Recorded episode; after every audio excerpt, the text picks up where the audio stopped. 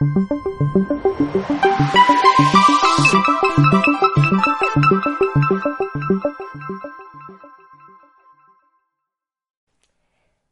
rok, nowe wyzwania, nowe parametry. Dziś zajmiemy się tym parametrem, który ma bardzo istotne znaczenie dla wynagrodzenia pracownika, a mianowicie wynagrodzeniem minimalnym. Jeśli chcesz poznać szczegóły, na co wpływa minimalne wynagrodzenie, ile będzie wynosiło i co zaliczamy do minimalnego wynagrodzenia, a czego na pewno nie zaliczamy, zostań ze mną, a już za chwilę wszystko będzie jasne.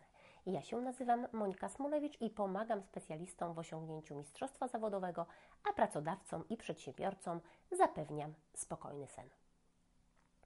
2 sierpnia 2019 roku Sejm przyjął nowelizację ustawy o minimalnym wynagrodzeniu. W związku ze zmianą e, wysokości minimalnego wynagrodzenia od 1 stycznia 2020 roku wynagrodzenie minimalne wyniesie 2600 zł brutto. W ślad za zwiększeniem wysokości wynagrodzenia minimalnego zwiększeniu ulega również minimalna stawka godzinowa, która zagwarantowana jest osobom zatrudnionym na podstawie umowy zlecenia. I wyniesie ona od 1 stycznia 2020 roku 17 złotych. Minimalne wynagrodzenie jest bardzo ważnym parametrem płacowym. Od tego parametru zależą różne inne świadczenia przysługujące pracownikom. Zanim jednak powiemy o tym, na co wpływa minimalne wynagrodzenie, ważne jest, abyśmy bardzo dokładnie wyjaśnili sobie, co wchodzi w skład minimalnego wynagrodzenia, bo nie wszystkie składniki wynagrodzenia zaliczane są do minimalnego wynagrodzenia. Gwarancja minimalnego wynagrodzenia to również niekoniecznie obowiązek ustalenia przez pracodawcę pracownikowi w umowie o pracę wynagrodzenia zasadniczego w wysokości co najmniej minimalnego wynagrodzenia. Zaliczamy wszystkie składniki wynagrodzenia uwzględniane w statystykach GUS z wyjątkiem odprawy emerytalnej, odprawy rentowej, nagród jubileuszowych, dodatku za pracę w godzinach nadliczbowych, dodatku za pracę w porze nocnej a od 1 stycznia 2020 roku do minimalnego wynagrodzenia nie zaliczymy również dodatku stażowego, który bardzo często wypłacany jest w sferze budżetowej. Jeszcze do końca 2019 roku dodatek ten wliczany był do minimalnego wynagrodzenia, tak więc suma płacy zasadniczej i dodatku stażowego musiała wynosić co najmniej minimalne wynagrodzenie. Aktualnie dodatek stażowy został wyłączony poza minimalne wynagrodzenie i jeżeli pracownik otrzymuje dodatek stażowy, to jego podstawa wynagrodzenia musi być równa co najmniej minimalnemu wynagrodzeniu, jeśli innych składników płacowych, typu na przykład premia czy jakieś dodatki, które włączane są do płacy y, minimalnej, pracownik nie otrzymuje. Tak więc reasumując, do płacy minimalnej nie zaliczymy dodatków za pracę w godzinach nadliczbowych, dodatków za pracę w porze nocnej, dodatku stażowego, odpraw, odszkodowań oraz nagrody jubileuszowej. Płaca minimalna to bardzo ważny parametr płacowy.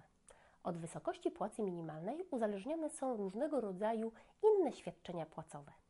I tak na przykład e, wysokość płacy minimalnej ma bardzo istotne znaczenie dla wysokości maksymalnej odprawy pieniężnej.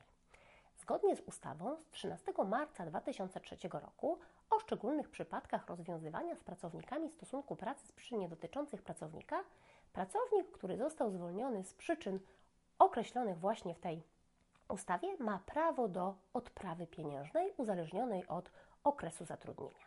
Maksymalne wynagrodzenie określone w ustawie, maksymalna odprawa e, określona w ustawie nie może przekroczyć 15-krotności minimalnego wynagrodzenia. Tak więc minimalne wynagrodzenie, które zmienia nam się od 1 stycznia 2020 roku, podniesie maksymalną odprawę pieniężną tytułu rozwiązania stosunku pracy z przyczyn niedotyczących pracownika do 39 tysięcy złotych.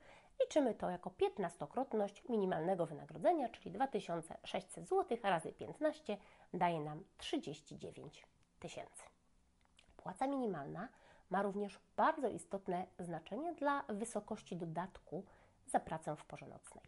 Pracownik, który pracuje w nocy, ma prawo do dodatku za każdą przepracowaną godzinę w porze nocnej w wysokości 20% z stawki godzinowej wynikającej z minimalnego wynagrodzenia za pracę. Płaca minimalna ma również bardzo istotne znaczenie dla wysokości wynagrodzenia za czas przestoju oraz za czas gotowości do pracy poza normalnymi godzinami pracy, czyli za czas tak zwanego dyżuru. Bardzo ważne jest to, abyśmy właściwie sparametryzowali już po nowym roku systemy kadrowo-płacowe, bo to właśnie płaca minimalna będzie miała bardzo istotne znaczenie dla różnych obliczeń. Nie możemy zapominać również o tym, że wysokość płacy minimalnej jest też bardzo ważna dla wysokości najniższego zasiłku chorobowego, który wypłacamy pracownikowi.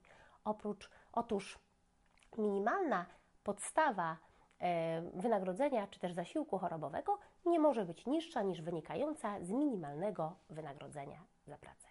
Jak więc widzisz, płaca minimalna to nie tylko gwarancja minimalnego wynagrodzenia, ale to również bardzo istotne konsekwencje dla innych współczynników płacowych. Zadbaj więc o to, żeby zaraz przed pierwszym naliczeniem po nowym roku sprawdzić, czy Twój system kadrowo-płacowy został poprawnie skonfigurowany, czy w odpowiednich miejscach systemu została zaktualizowana płaca minimalna, ponieważ będzie to miało bardzo, bardzo istotne znaczenie dla wszystkich kalkulacji, których będziesz dokonywać po nowym roku.